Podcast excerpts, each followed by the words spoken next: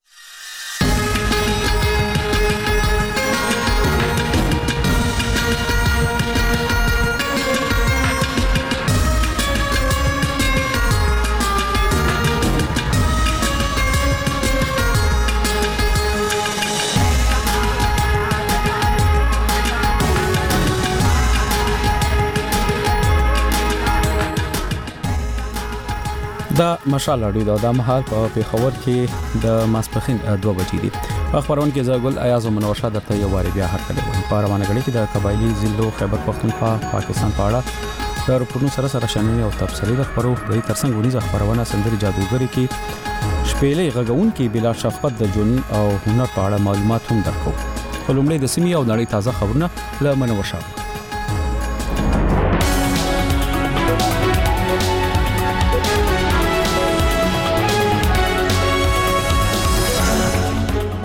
د مهمو خبرونو سرټکی د پاکستان یو شمیر سیاسي ګوندونو په وفاق کې د اتحادي حکومت جوړولو اعلان کړی بلوچستان کې د رایو بیا شمیرنې پر مهال خطه کې مرجوب لا وخت یو اسرایلی وفد د اسرایل او حماس ترمنځ پر روانه جګړه کې د وقفې لپاره له خبرو اترو پاسېدلې ده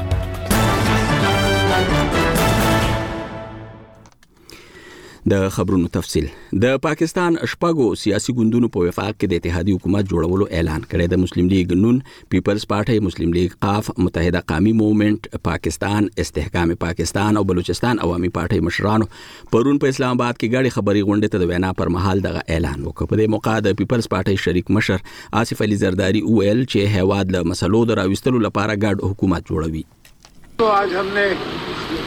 نوموړی وایي نن موږ پریکړه کړې چې په شریک به حکومت جوړوو او پاکستان ول مشکلات راوباسو هغه ک اقتصادي مسلې دي او ک ترهګری ده موږ به په شریکه د میان او شریف کورنۍ کامیابو او نور ملګری به کامیابو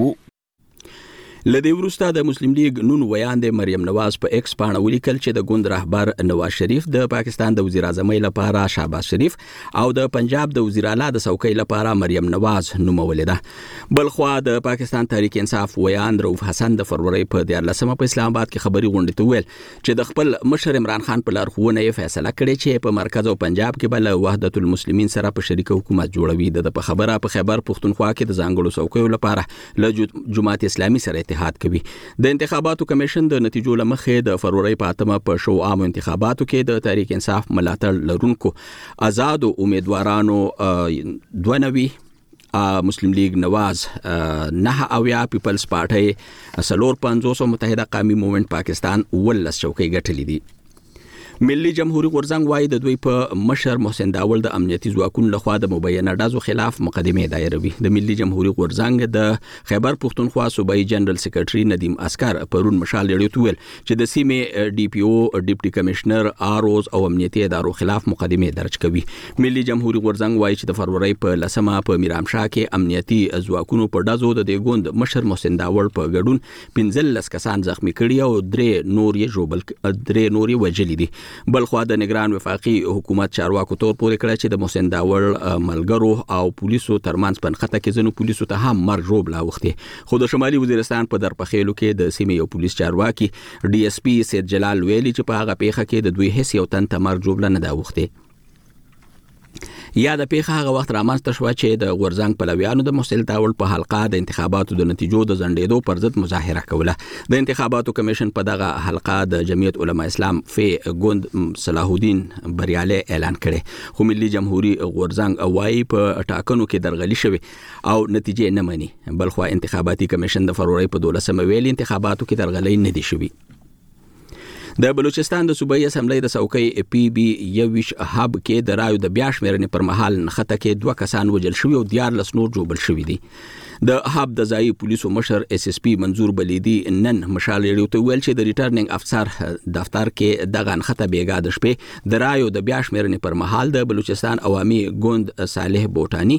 او نېشنل ګوند رجبلي رند د پلویانو ترمنځ شوې لدې وړاندې په غیر رسمي نتیجو کې صالح بوټاني له 13 زرو زیاتو رایو سره بریالی اعلان شوی وو او رجبلي رند د 19 زرو ووټونو سره په دویم نمبر وو منظور بلیدي زیاته کړې چې ټول ژوبل کسان او مړي د کراچۍ سیول روغتون ته وړل شوي دي په یعنی حال کې انتخاباتي کمیشن د دې پیښې لوجې د بلوچستان اسمبلۍ څوکۍ پی بي 21 کې د بیا شمیرنې عمل په سمدستي توګه ودرولې دی تاسو د مشال ریډیو خبرونه اورئ ټاکل شوې چې نن په قرغیزستان کې د افغانستان په سیاسي اقتصادي او بشري وضعیت خبري وشي د قرغیزستان سرخار بشکیک په نننۍ غونډه کې د افغانستان لپاره د یورپی ټولنې استازې د منځنۍ اسیا د هوادونو لپاره د ټولنې ځانګړي استازې او د افغانستان لپاره د منځنۍ اسیا د هوادونو ځانګړي استازي ګډون کوي د ملګرو ملتونو یو شمېر استازي هم په دې غونډه کې د برخې اخیستو لپاره وربلل شوې د قرغیزستان د بهرنیو چارو وزارت په یو بیان کې ویلي چې د بشکیک په غونډه کې به د افغانستان په اجتماعي اقتصادي وضعیت له افغانستان سره د مرستو په اړه همداراز په دغه هیواد کې د مخدره موادو د قاچاق او د ترهګریزه فعالیتونو پر ضد د حکومتونو په هڅو خبري وشي او بل خبر دا چې اسرایلی او امریکایي رسنیو خبر ورکړي چې پرون د اسرایل وفد له هغو خبرو اترو پاسې ده چې د اسرایل او حماس ترمنځ په روانه جګړه کې د وقفې لپاره د مصر سرخار قاهره کې کېدلې په یعنی حال کې د اسرایل د استخباراتي ادارې مشر ډیوډ بارنیا په قاهره کې د امریکایي استخباراتي ادارې سی آی ای له مشر ویلیام برن سره لیدلی او ورسره د قطر په منځګړتوب د غزې په جګړه کې د ارزي بندیز په اړه خبرې اترې کړې دي د غزې په جګړه کې د وقفې لپاره په خبرو اترو کې د قطر وزیر اعظم او مصری چارواکي شامل وو دا خبرې د هغو هڅو برخه وا چې پکې د غزا په جنوبي ښار رفاه کې د اسرایل لخوا بشپړ ځمکني عملیاتو نه وړاندې د اوربند لپاره تیزواله راغلي دي په غزا کې د اسرایل د پوځي عملیاتو له پیل راهیسې تر نیمایي زیات خلک رفاه ته تښتیدلي دي امریکا او یورپي ټولنې حماس تر هغه ډله ګرځولې ده د خبرونو پای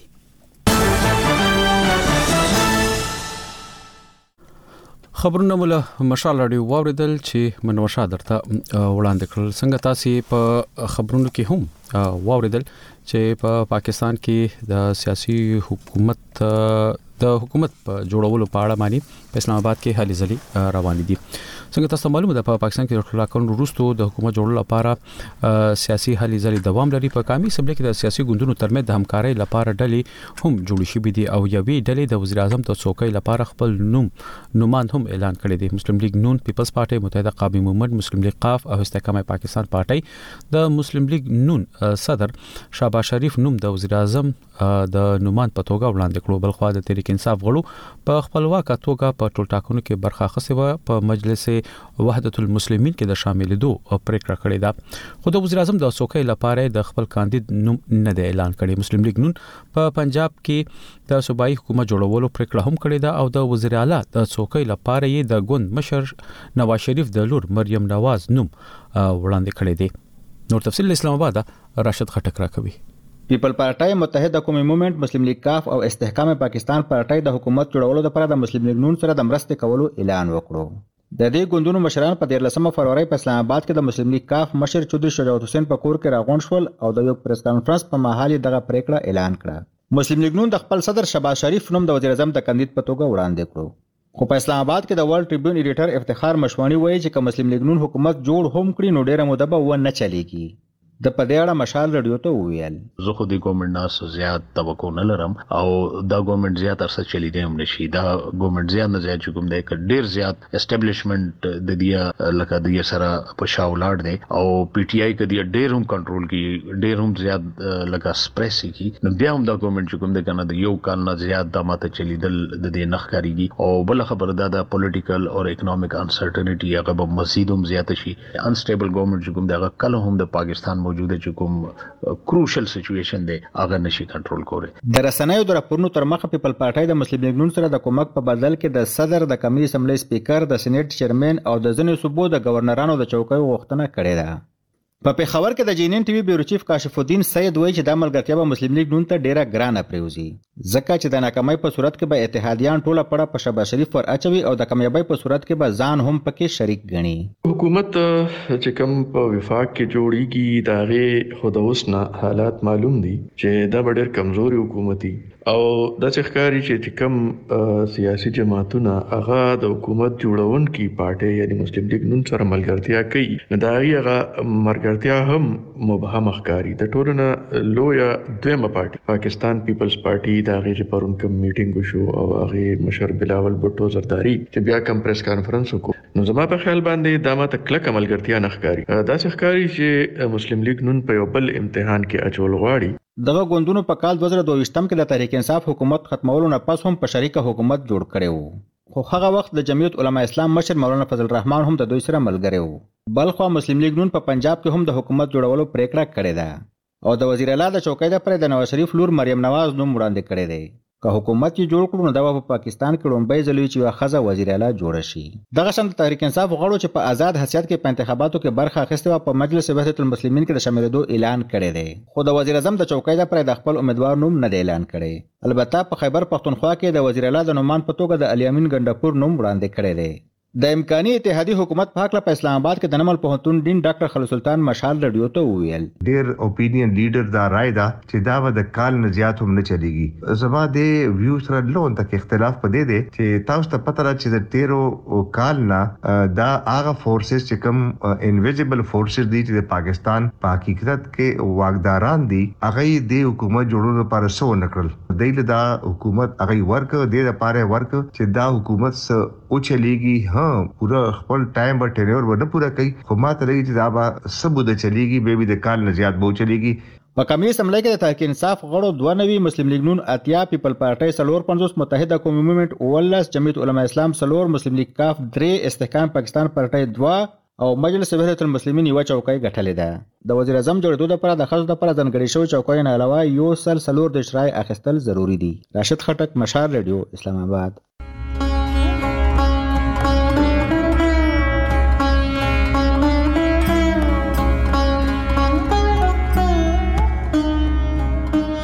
مشال رادیو پر خبرونو او رادیوي او ویډیوي راپورونو سربېره ستاسو لپاره ځانګړي اونیز خبرونه هم لري اوریدل او لیدل یې مه هېروئ.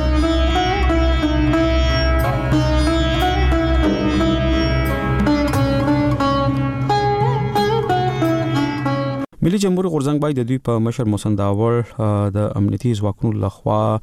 د دزو خلاف عدالت او د انتخاباتو نتیجو بدلولو خلاف الیکشن کمیشن ته ځي غورځنګ وايي د پاکستان امنیتي ځواکونو د فروری پر لسمه په دزو کې د دوی ګوند مشر محسن داوړ په ګډون پنځلس کسان ژوبل او درې نور ملګري ووژل بلخوا د پاکستان نگران وفاقي حکومت چارواکو تور پورې کړی چې د محسن داوړ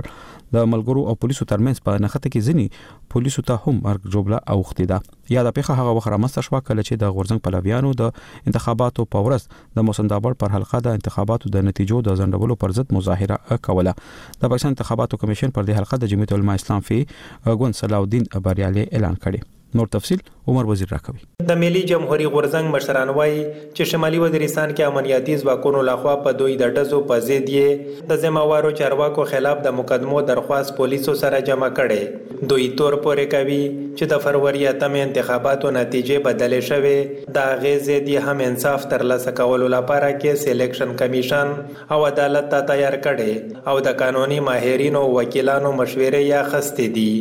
د فروري په لسمه د اېن ډي اېم په وینا میرام شاه فوځي چاوڼې مخې ته هغه مهال د ګوند مشر محسن داوړ په شمول پنځلس کسان ژوبل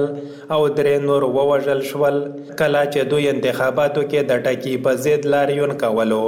د ملي جمهوري غورځنګ خیبر پښتونخوا صوبايي جنرال سکرتر ندیم اصغر مشال رېډیو ته وویل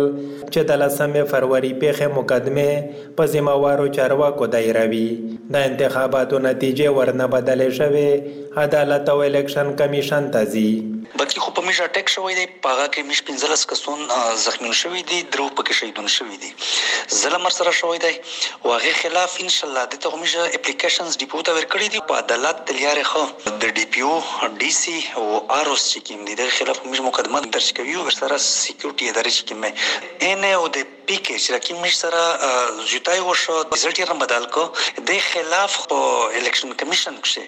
پټیشن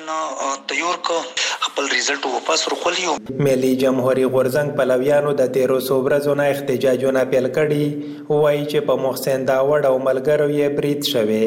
انصاف غواړي، احتجاجونه باید دوام لري، د وزیرستان ټول بازارونه به بند وي. دوی د میرامشاه میرعلي بازارونو ترڅنګ وزیرستان کې دننه او دغلته تلونکې ټولې لارې تړلې. د ملي جمهوري غورځنګ شمالي وزیرستان یو فعال عادل داوړ میرامشا کې احتجاجي غونډې ته پرون د فروري په دیرلس مه خپله وینا کې وویل چې کومه ناانصافي ورسره شوې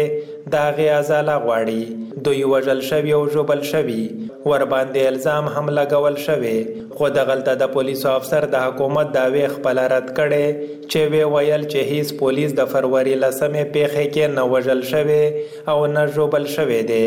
د وزیرستان په ووډ باندې چې کومه ډکه اچولې شوې ده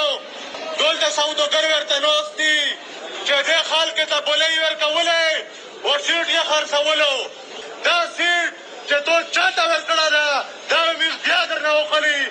پرونۍ ورځ باندې د میز په چیرمین صاحب باندې د میز په ملګریو باندې چې کیم فایرینګ وکړو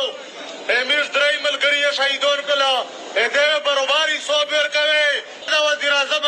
هغه بیان ورکړلو چې دی فایرینګ کړو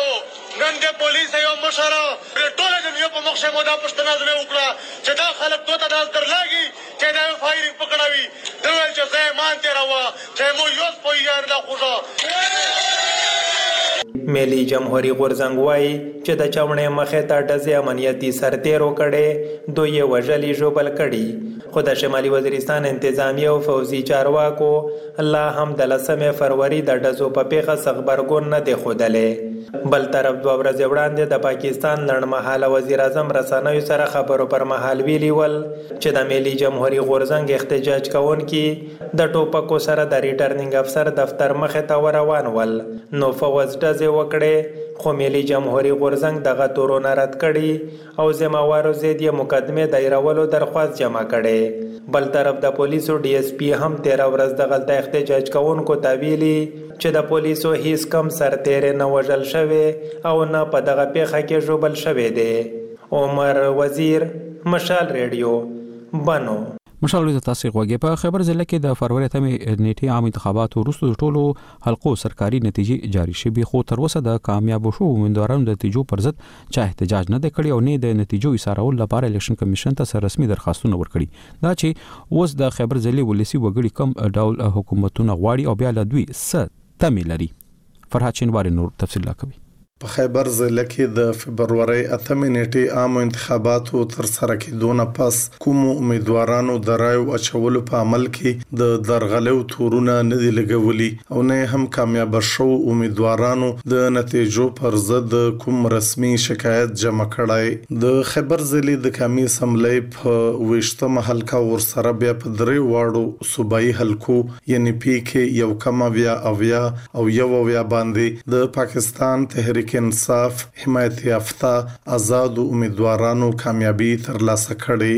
د قامي اسمبلۍ په ویشتمه حلقه محمد اقبال اپریدي او بیا په صوبايي حلقه پي کې یو کم اویا باندې عدنان قادري، اویا باندې محمد سهیل اپریدي او یو اویا باندې عبدالغني اپریدي کامیابه شوي. دا چې د خیبر ضلعې وګړي اوس کوم ډول حکومت غواړي او له دوی بیا څه تمې ساتي، په دې لړ کې ځنو کسانو مشال ریډیو سره خپل نظرونه شریک کړي او دوی وايي. حضرات دغه تمه ویرودندو چې بس ښه حکومت روشي په ملک بندې نه و سکولونه شته مکمل نه و به شته نه پیژلګونې شته یو به دا ټولو شایو کمای دی. و داسې وزیراعظم په بندې اعلی مقرر کړي چې کوم له اوم خیګړې پورې و اوم لا خګړه ور ورسا ویړه ډیر کې ماته دی چونی و چې کې ماته دی غریب سړی نن صاحب ونه چې څه خلای شي و رټې په نیمه ګډه خوري مولا چې کم دا داسې حکومت چې روشي چې موږ ته نرخونه خکی مو خو ډیر عمر دی مو کم نو کم 15 شپته کوله عمر دی و ډیر وزیرون وارڅ تیر شول خو هغه په مخ کې چې کم دا یاد اسیو چې نرخونه وارڅ خو وس نرخونه ډیر کې ماته شوی نو باسي موږ د پورا چې کم دا نرخونه خشي و وون خوښ ول شي دی محمد خالد منګي باره کې خو دغه چې منګي هو به حد زیاته بس صرف دغه چې وړو توړه په سړی لونه کنه بازار حالت لګه سپي هغه کې وو صادق الله نو مسائل غوډه زیاتې بجلی او به ګیس تای دا ډېر زیات مسائل دی ان شاء الله د امید لرو چې ټول مسلې حل کې ان شاء الله همغه نامه هورنودین ده بجلی نشته دی او به سخته مساله وي اوبه وي بجلی ده موږ ته دلته دلته سینې په یخنۍ کې خو سینې وي او په ګرمۍ کې د ډنګي او ملیریا دا شینه ډیر زیات وي. د خیبر ضلعې د صوبايي حلقې پي کې یو کم اویا یعنی لنډ کوتل نا کامیاب شوي د خیبر پښتونخوا د صوبايي اسمبلۍ غړي عدنان قادري ویلي چې دوی به هڅه کوي چې خپلې حلقې خلکو لپاره پرمختیايي کارونه وکړي. چې د خپل غریب ولس سخت اواز به اوچت کړم په اسمبلۍ کې چې چرته پورې زما اواز رسي د هغوی د ستونزو او د هغوی د مشکلاتو لپاره به خپل کوشش او خپل محنت وکړم خو کوشش به مې دا يي چې چا حق تلفي مو نه شي جي. خیبر ضلع پېښور او رګزو کورمې او د افغانستان ننګرهار ولایت سره لګېدلې دوه زره او اوولسم مردمشمارۍ مطابق ابادي یې څه باندې نهه لکه شپږ اتیا زره نفوسه ده او ښايي اوس له دې نه هم زیاته شوې وي او په دې تېرو انتخاباتو کې په دې ضلع کې شپږ لکه اته دېرش زره اووه سوه او درې څلوېښت ووټ رجسټر شوی و. فرهاد شینواری، مشال ریډیو، خیبر. په بلوچستان کې نن شپږم ورځ هم د انتخاباتي نتیجو پر ضد د بېلابېلو سیاسي جماعتونو لوري احتجاج روان او لوی لاري تړل شوې دي دوی وايي د فروری پر اتمه په عامو ټول ټاکنو کې د حکومت لوري درغلي یا ټګي شوې ده او د ولس له لوري کوم رائے د دوی په حق کې ورکړل شوی هغه بدلی کړی شوی دی خو د بلوچستان حکومت په وار وار دا تورونه رد کړی دي نور تفصيل لکوټي ایوب ترين راکوي په بلوچستان کې نن شپږمه ورځ هم د انتخابي نتیجو په ضد د بېلابېلو سیاسي جماعتو له خوا احتجاج روان او زیاتره لویې لارې تړلې دي. دا احتجاجونه او مظاهرې د هغه وروسته پیل شوې کله چې د فروري په اتمه نېټه د هېواد د نورو برخو په ډول په بلوچستان کې هم د عامو انتخاباتو یا ټاکنو نتیجې په غیر رسمي توګه اعلان کېدل پیل شو. د ملتپالو سیاسي جماعتو په خبره چې د فروري په اتمه نېټه په عامو ټاکنو کې د حکومت له خوا په لویه کچه درغلي یا ټګي شوې ده او د ولس له لوري چې کومې رایې د دوی په حق کې ورکول شوې دي هغه یې بدلې کړې دي. په دې ترڅ کې د پښتونخوا نېشنل عوامي ګوند مرکزي مشر خوشحال خان کاکړ ویلي دي، چې د دوی د احتجاج وروسته د قامي اسمبلۍ پر حلقه ان ای دوه سوه یو پنځوس د انتخاباتو ضلعي افسر د فروري په یولسمه نېټه د ده په حق کې نتیجه اعلان کړه او په دولسم فروري یې بېرته بدله کړه. د فروري په دیارلسمه نېټه په کوټه کې به یوه خبري کانفرنس ته د وینا کولو پر وخت نوموړي زیاته کړه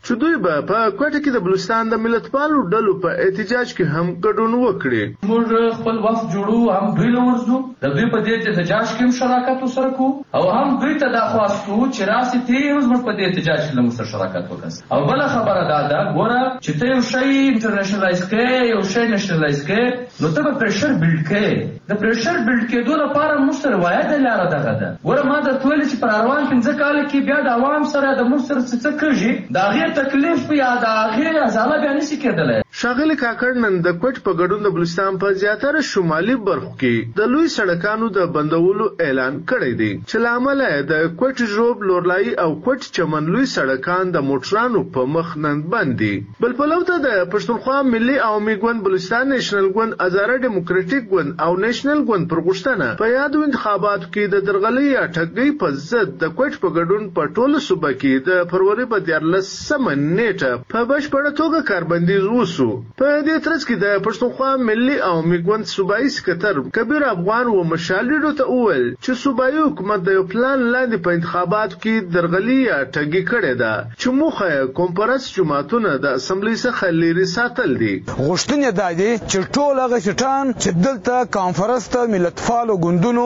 د ولس په تائید او حمایت د ولس په ملاتړ ګټلي دي، فوري طور دې د فارم پنځه څلوېښت مطابق اعلان شي او د هغه نتایج دې مرتب شي او که چیرې دا نه کیږي دا احتجاجونه به اوږدیږي. بل پلو ته د مرکزي انجمن تاجران بلوچستان بلوچستان مشر رحیم کاکړ د کاربندیز پخلی کړی او ویلي دي چې په مشکل وخت کې د صوبې د ځايي جماعتو سره کومک کول د دوی ذمه داري ده. د دوی سره ناجایزه څوې ده، ظلم څوی دی، موږ یې په خپله وینو چې دا ظلم دی، دا دوی سره موږ خامخا په دې سیستم کې دریږو. خو د بلوچستان حکومت په وار وار دا تورونه رد کړي دي او د فرورۍ په دیارلس مه نېټه یې د مشالډو سره په خبرو کې د بلوچستان د اطلاعاتو نګران صوبايي وزیر جان اچکزي ویلي وو چې د احتجاج پر ځای پکار دی چې یاد سیاسي ګوندونه عدالت یا الیکشن ټریبونل ته مراجعه وکړي او خپلې ستونزې دې د هغې لارې هوارې کړي. دا ډول دلته په کوټه کې د ملتپالو ګوندونو څلور جماعتي اتحاد له خوا اعلان شوی دی چې د فروري په پنځلسمه نېټه به په ټوله صوبه کې احتجاجي لاريونونه او مظاهرې کوي. په کوټه کې په جاري شوي یو بیان کې زیاته شوې ده چې د فروري په اوولسمه نېټه به په کوټه کې لویه احتجاجي جلسه وکړي کوم ته چې به د یاد ګوندو مرکزي او صوبايي مشران ویناوې کوي. دا ډول به د فروري په اتلسمه نېټه د هېواد د نورو برخو په لور تلونکي د صوبې پر ټولو قامي سړکانو پيجام هړتال وکړي.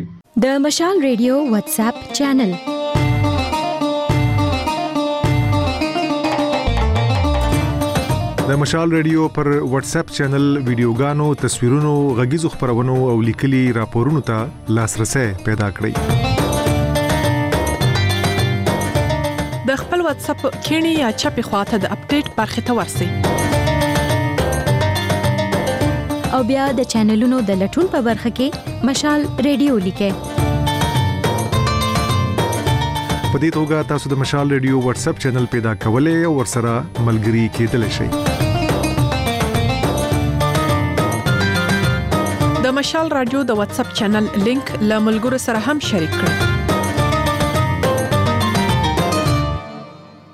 مشالوی ته تاسو غوږی د جنوبي وزیستان کوز او بر ضلع اوسیدونکو وای چې چارواکو هلته موبایل او انټرنیټ بند کړی دی چې لوجې خلک لړیرو ستوندو سره مخامخ دي د بر جنوبي وزیستان د سره روغه سیمه اوسیدونکو وای چې دوی لتیر واتو میاشتو رئیسي د انټرنیټ له سہولته به برخه دي بلخوا چارواکي وايي په دې لړ کې له موبایل کمپنیو سره خبرې روانې دي او دغه مسله به هواره کړي البته ځینو چارواکو د نوم نه څرنګدولو په شرط مشرډوی ته ویل چې په سیمه کې د ناامنۍ د مخنیوي په خاطر انټرنیټ تړل شوی دی تفصیل اشتاق مسید راکوي. د سویلي وزیرستان ضلعو اوسېدونکي ویايي چې پاکستاني چارواکیو یې د سیمې موبایل سیګنل او انټرنیټ بند کړي دي چې په وجه یې د خلکې ژوند د سخت مشکلات سره مخامخ شوی دی.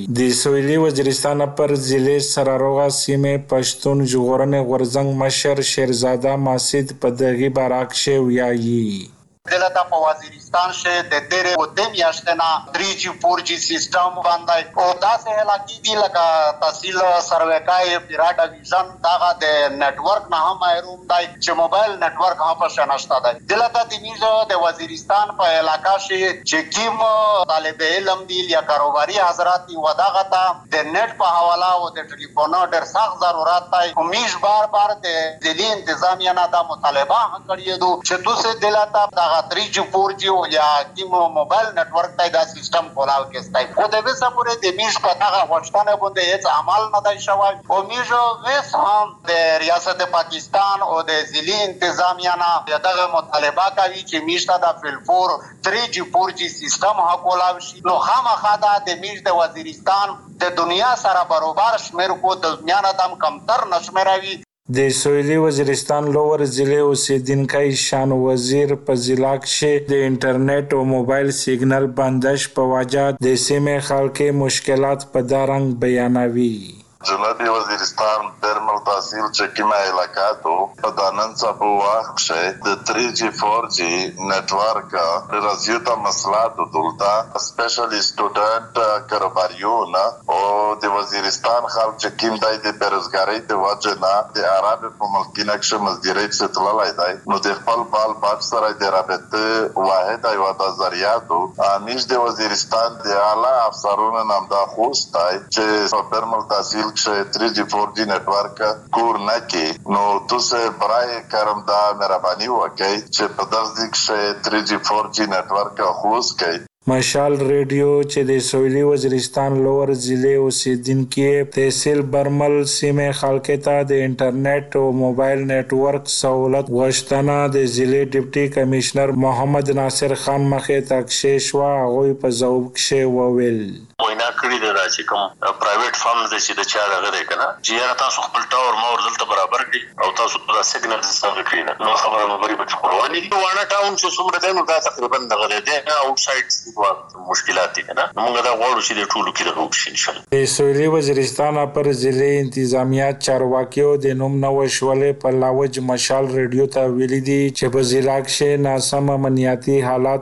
په واجه انټرنیټ د خلق ژوند ژغورنې د پورا د پاکستاني پوځ چارواکیو په وینا بنې بند کړای شوی دی خو د سویلي وزیرستان ضلعې اوسیدنکي مشال ریډیو ته دا هم ویلي دي چې که حکومتي چارواکیو په ضلعو کښې یې د انټرنیټ سهولت زر بحال نه کړي بیا به دوی په احتجاج لوس پورې کولې بنې به مجبور وي. اشتیاقمه سید مشال ریډیو ډیره اسماعیل خان.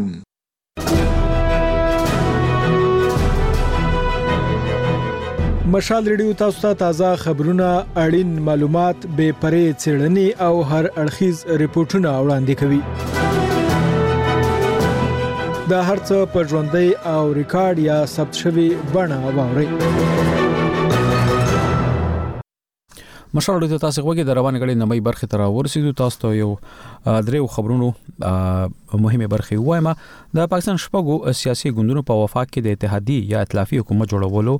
اعلان کړی دی د مسلم لیگ نون پیپلز پارټي مسلم لیگ قاف متحده قومي موومېنټ استحکام پاکستان او بلوچستان عوامي پارټي مشرانو پرون په اسلام آباد کې ګډي خبري غونډې ته د وینا پر مهال دغه اعلان وکړ پر دې موقع د پیپلز پارټي شریک مشر آصف لزرداری ویل چې په هیواد چې هواد له مسلو د راويستو لپاره ګډ حکومت جوړوي بلخو د پاکستان تحریک انصاف او ویاند روف حسن پرون په هم په اسلام آباد کې خبري غونډه ته ویل چې د خپل مشر عمران خان په لار خوونه یې پریکړه کړې چې په مرکز او پنجاب کې به له وحدت المسلمین سره په شریکه حکومت جوړوي ملي جمهوري غورځنګ وايي د دوی په مشر محسن داول د امنیتي ځواکونو لخوا د مبینه ډزو خلاف مقدمه دایروي د ملي جمهوري غورځنګ د خیبر پښتونخوا صوبایي جنرال سیکریټري پرون مشال دی ویل چې د سیمي ډي پی او ډیپټي کمشنر او امنیتي ادارو خلاف مقدمه کوي خو بلخوا د انتخاباتو کمیشن په دغه حلقه کې د مسل... د جمعیت علما اسلام فی ګوند کاندید صلاح الدین بریالي اعلان کړی دی او د بلوچستان د صوبایي اسمبلی د څوکۍ پی بی یو شهاب کې د رایو د بیا شمیرنې پر مهال نخته کې دوه کسان وژل شوی او د لسنور ژوبل دي د هب د ځای پولیسو مشر اس اس پی منظور بلیدي نن د فروری په 14مه مشر لته ویل چې د ریټرننګ افسر دفتر کې دغه نخته بیګا د شپې نا وخت د رایو د بیا شمیرنې پر مهال شوې ده او اوس لږمنې سره سم درته ونیزه خبرونه سندري جادوګری لرو د دې ونی په سندري جادوګری خبرونه کې د پیښور د یو شپېلې غږون کې بلال شفقت د ژوند او هنر حال او د هغه غږولي ځینی نغمه اورو د خبرونه هارون بچا جوړوي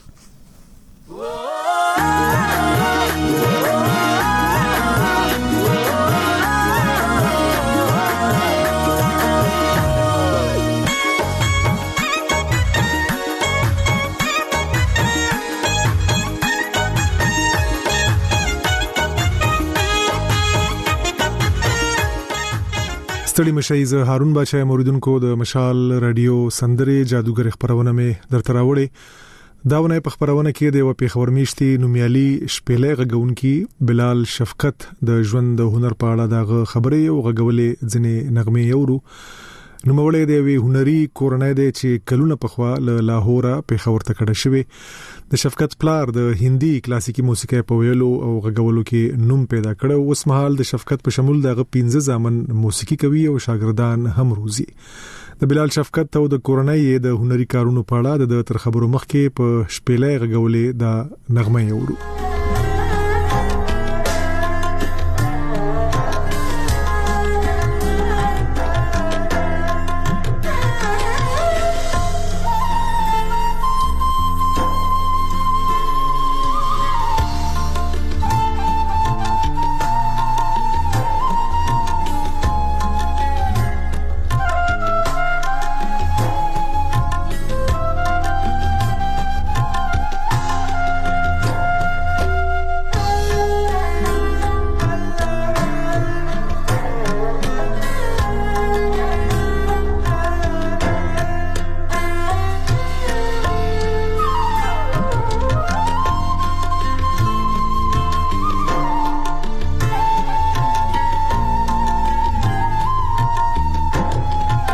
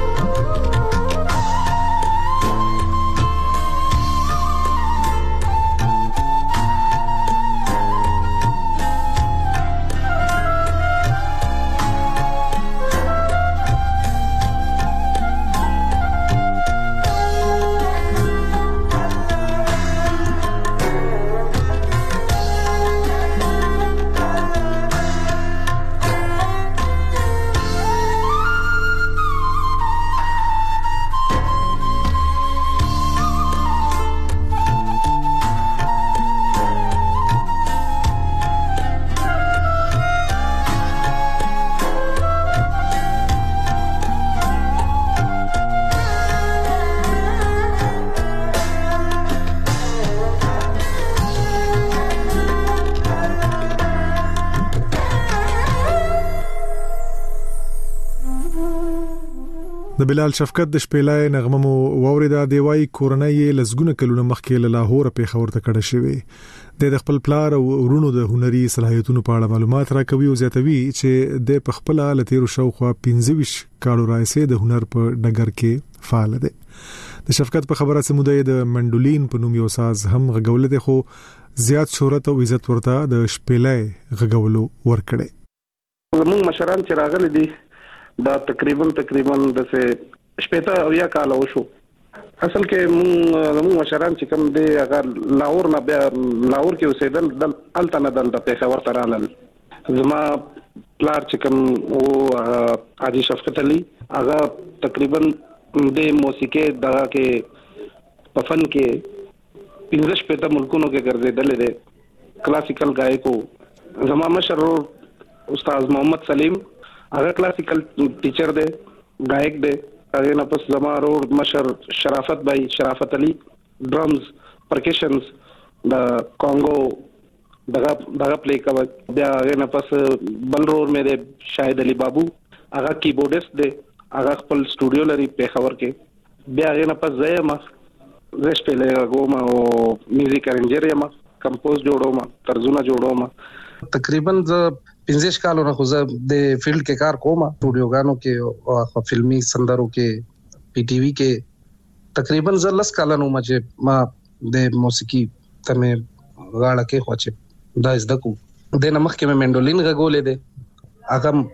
ډېر مودې پورې ما غږولې ده تقریبا 15 شپږ کاله بیا هغه نه پس شپېلې مې شروع کو بس شپېلې چې مې شروع کو بس خوده پکې ما ته نوم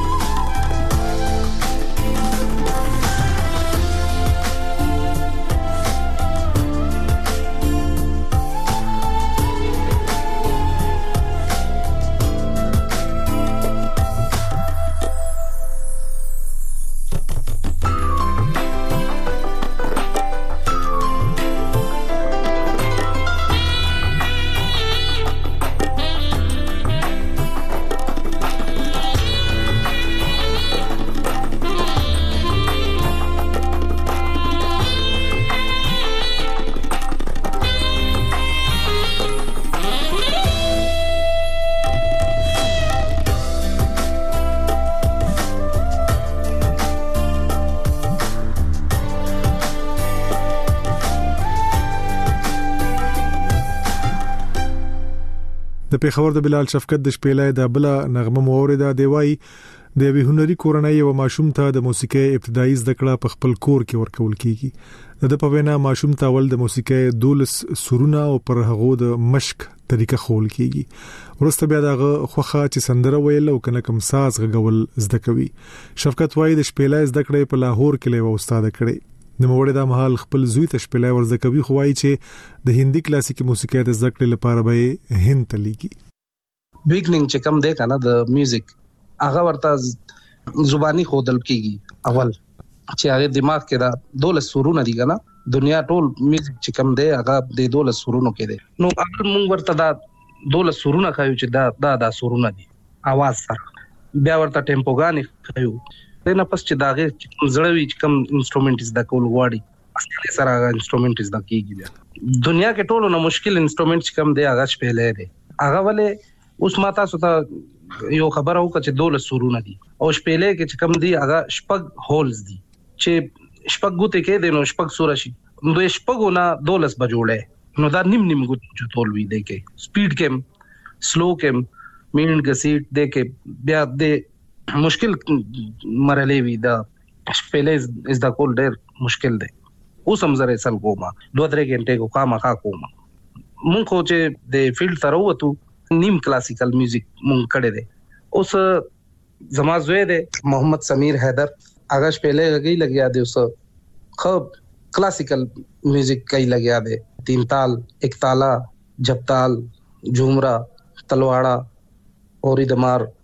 دی کې هغه کار کې لګیا دی یعنی انسټرومنټل سولو پرفارمنس لپاره بیګنینګ چې کم دی کنه هغه ټول مونږ کور کې یاد کړی دی مونږ مشرانو مونږ ته کولې دي دا سرګم پلټه او دا ټول ارسه چې دي تا مونږ ته کور کور نه ملاو شوې دي بیا زه زې لګلې یم خپلار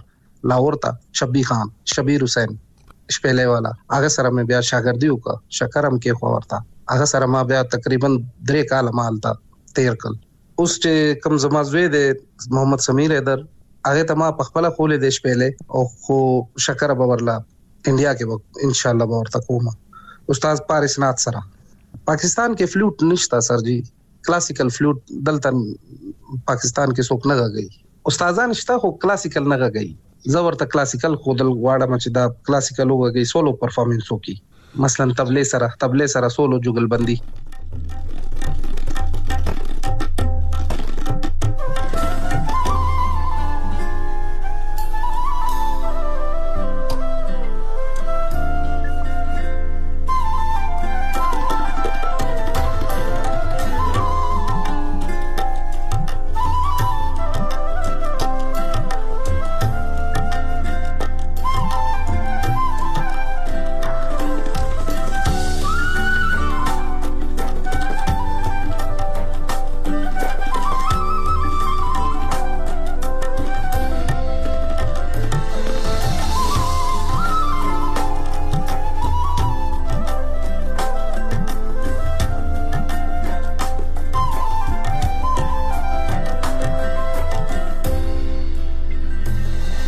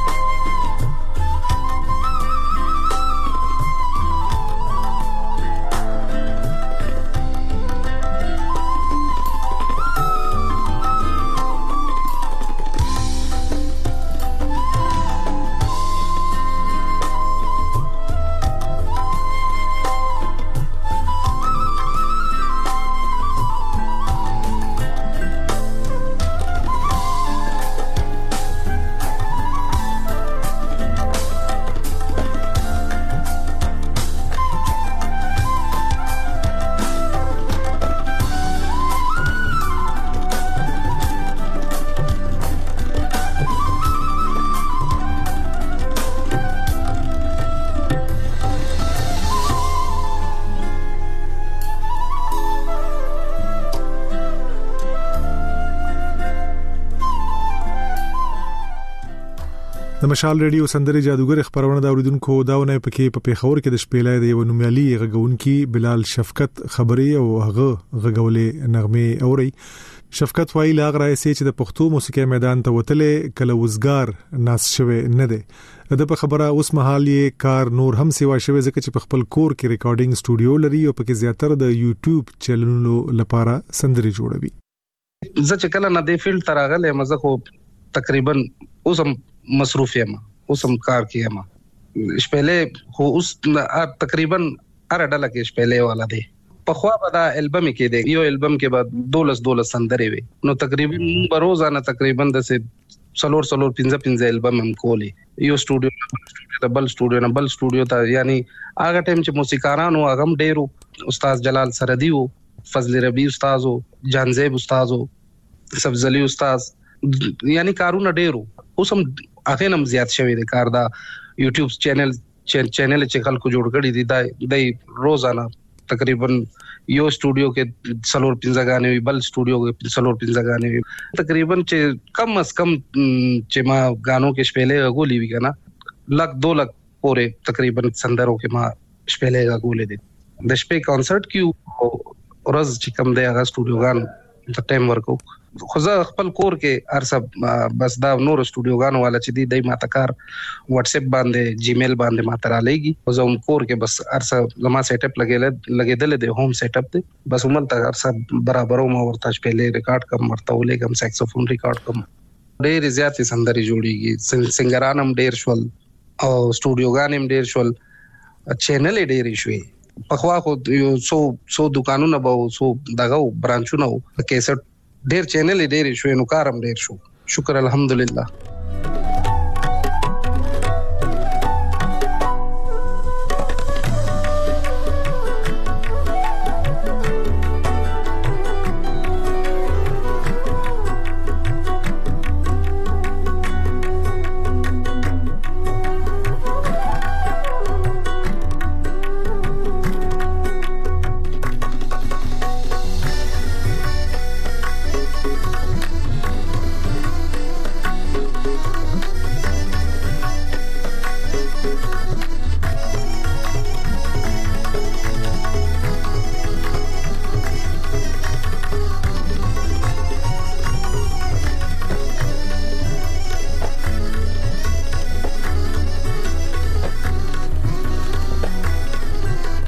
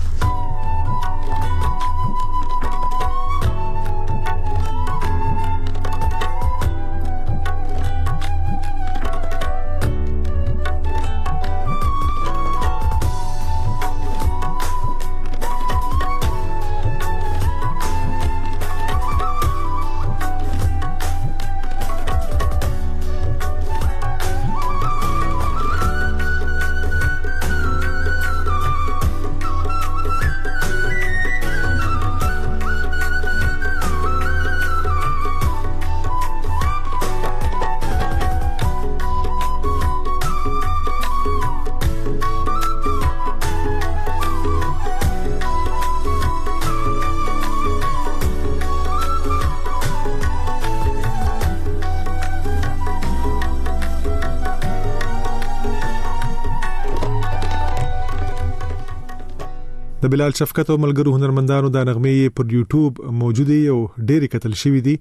د د هنرمندان ملګری را پیژني او وایي چې د نغمو د ارنجمنت او ریکارډینګ چارې هم د برابرې کړې دي شفقت وایي د هر سر لپاره بیل شپېلای وی او ځکه نو د ډېر شپېلای لري او تقریبا ټولې یې له هند کړې دي موږ اول اډیو جوړو بیا ویډیو ځان ځان ته ویډیو کوو بیا دا بیا ایډیټ کوو موږ چې څومره دا سندري ریکارډ کړې دي کنه دا غزلې دینا شکر الحمدلله ډېر ریپلای ډېر وشو خلکو ډېر خوښ کړ خوشحال شول خلک او ډېر ډېر مزیدار ریسپانس راغلی دی دا کیبورډیست چې دی فیصل جمال دی د افغانستان دی جرمني کې ژوند کوي او تبله چې کوم غږی هغه استاد تاریخ چې کوم پاکستان یو لیجند استاد دی عبدل ستار تاری دا د هغه شاګرد دی انډیا کې اوسېږي هند کې جلندر دغه پنجاب هند کې چې کوم پنجاب دی دا غزي دی او ډېر مزیدار تبله تبله غږی ډېر نامور استاد دی او شپېلې چې کوم دی تاسو خادم بلال شفقت میوزیک ارینجمنت چې کوم دی دا ټول ما په خپل کړی دی تبلې دا تیان او دا ارس دا ارس ما په خپل جوړ کړی ار یو سور بیل بیل شپېلې یعنی پهلا سفید چې کوم دی هغه میډل سورونو کې غږیږي نو دا غي بیا بیسم جوړیږي دا غي بیا غټ شپېلې دا سه ډبل ډبل چې برابر کې نو بیا ډېر شپېلې جوړیږي او اوازونه مختلفي نو چې کوم یعنی غزل وی غمګین غزل وی هغه کې مونږ بیسټ پهلې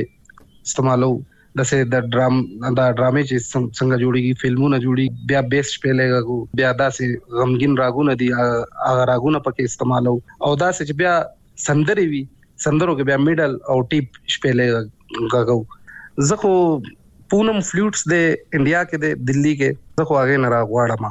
ولې چې دا بانس چې کم دی کنه دا شپېلې والا دا پاکستان کې نه پیدا کیږي دا د انډیا پیداوار دی عمل ته پیدا کیږي عمل ته دا کیږي ډایرک ماته شپېلې نه دی را لګلې انډیا نه دوبه ته لګلې دي بیا پاکستان ته راغلي دي شپېلې پیسې ما عمدہ سه ورولې غلې ورته شپېلی غږونکی بلال شفقت زیاتوي، مورنۍ ژبه یې چون پښتو نه ده، ځکه نو په پښتو سندرو کې دا ساز غږول ورته په اوله کې ګران وو. نوموړی که له یوې خوا خوښ دی چې اوسمهال د پښتو سندرغاړو شمېر سېوا شوی او زیاتې پښتو سندرې جوړېږي، نو له بلې خوا دا خبره هم په ګوته کوي چې د معیاري موسیقۍ جوړولو لپاره پښتانه هنرمندان باید د هنر په زده کړه وخت او انرژي مصرف کړي. ګران خو دی زمونږ لهجه بدله ده خو میوزیک چې کم دی کنه هغه چې دوله سورونو کې تړلې یو شی دی نو دا بیګنینګ چې کم سړی یاد کی کنه هغه بیا هر یو کلچر غول شي باقی خو خاپوډم پښتنو سره کړی دي لګ لګ دا پښتو جبه مې زده کړل او میوزیک هم پښتو میوزیک ماشاءالله ماشاءالله ډیر خشو خو کلچر نه یو سیټ تکیږي لګیا دی میوزیک چې کوم زم هغه کې لګ انګلیش وګږي یا خو د خو مکس کی میوزیک حساب چې کوم دی بیا یو کلچر حساب سره یو پیس نیم راشي یعنی رباب شو شپېلې شو هارمونیم شو داسې سازونه پکې اډ کیږي زمون کلچر به دنیا کې به پاتې شي بس نن سبا خو څوک زده کوي نه بس راشي او مخې ته بس ودرېږي مایک مخې ته کمپیوټر هر څه جوړی لګیا دی چې بې سوره سړی وي هغه پکې سور کې شي زمونږ د میوزیک ډایرکټرانو ته پکار دی چې دا سورکۍ نه نو بیا به دای پوه شي چې زده کول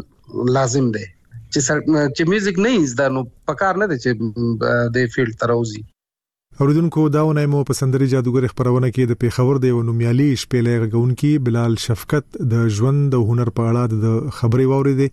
خپرونه به د نوموړي د شپېلۍ پر دې یوه بله نغمه پای ته ورسوو. زه هارون باچا درنه اجازت غواړم، په مخه مو ښه.